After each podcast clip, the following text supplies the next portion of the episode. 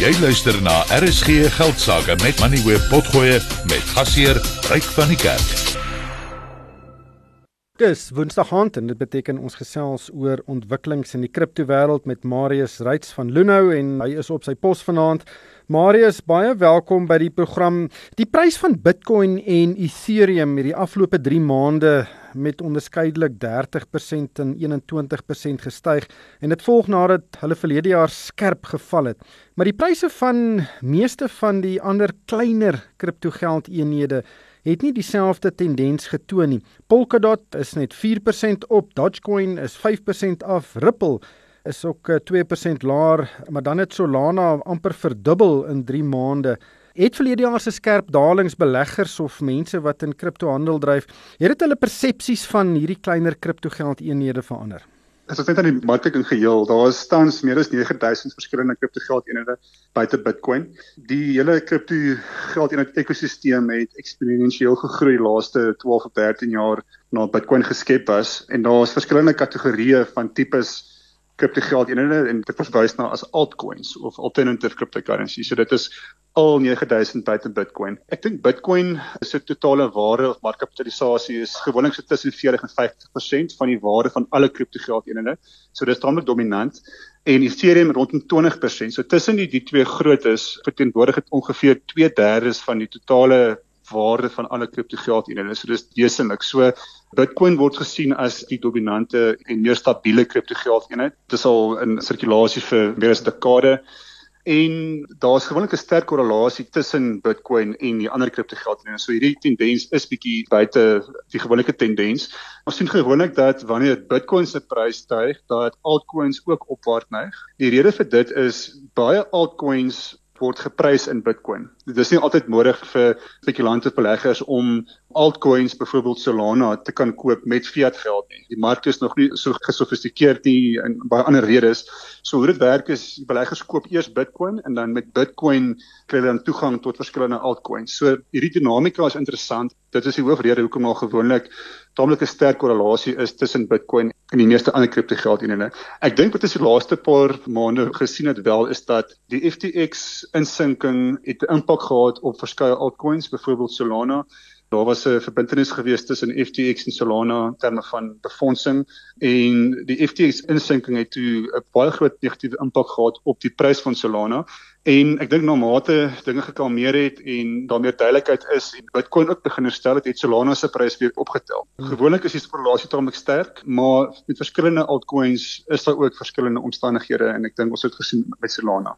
Ja, Solana se prys het amper verdubbel, maar soos jy sê, daar was ook ander redes daar betrokke.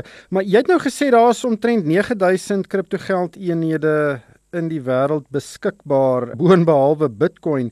Maar ek sien in Februarie verlede jaar was daar bykans 10500 kriptogeldeenhede en verlede jaar het ons ook gesien dat die uh, aantal stelselmatig gedaal het. So daar is 'n ek weet nie of mense dit 'n konsolidasie kan noem nie, maar daar word nie meer so fliks nuwe kriptogeldeenhede ontwikkel nie. Is dit 'n verbasende tendens?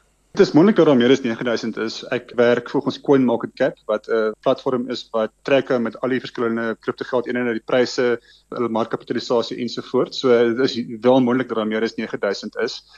Wat ons gesien het in hierdie huidige siklus is dat baie beleggers is skrik op die lyf gejaag en ek dink daar was 'n groot vloei gewees na die meer stabiele kriptogeld eenhede soos Bitcoin en Ethereum en ook stablecoins. As ons kyk na die top 10, sal ons sien dat dis Bitcoin, Ethereum top 2 Dan is dit Tether USDT, dit is 'n stablecoin wat geregsteun word deur die Amerikaanse dollar. USD coin soortgelyk is 5 Tupilais, Binance se USD coin is 7. So dit regtig dit word oorheers tussen Bitcoin en dan stablecoins. Dit weerspieël die omstandighede in die mark dan. Die impak hiervan op baie van die kleiner kriptogeldeenhede is blootweg dat daai kriptogeldeenhede gaan tot nie. Daar's nie genoeg vraag vir dit nie.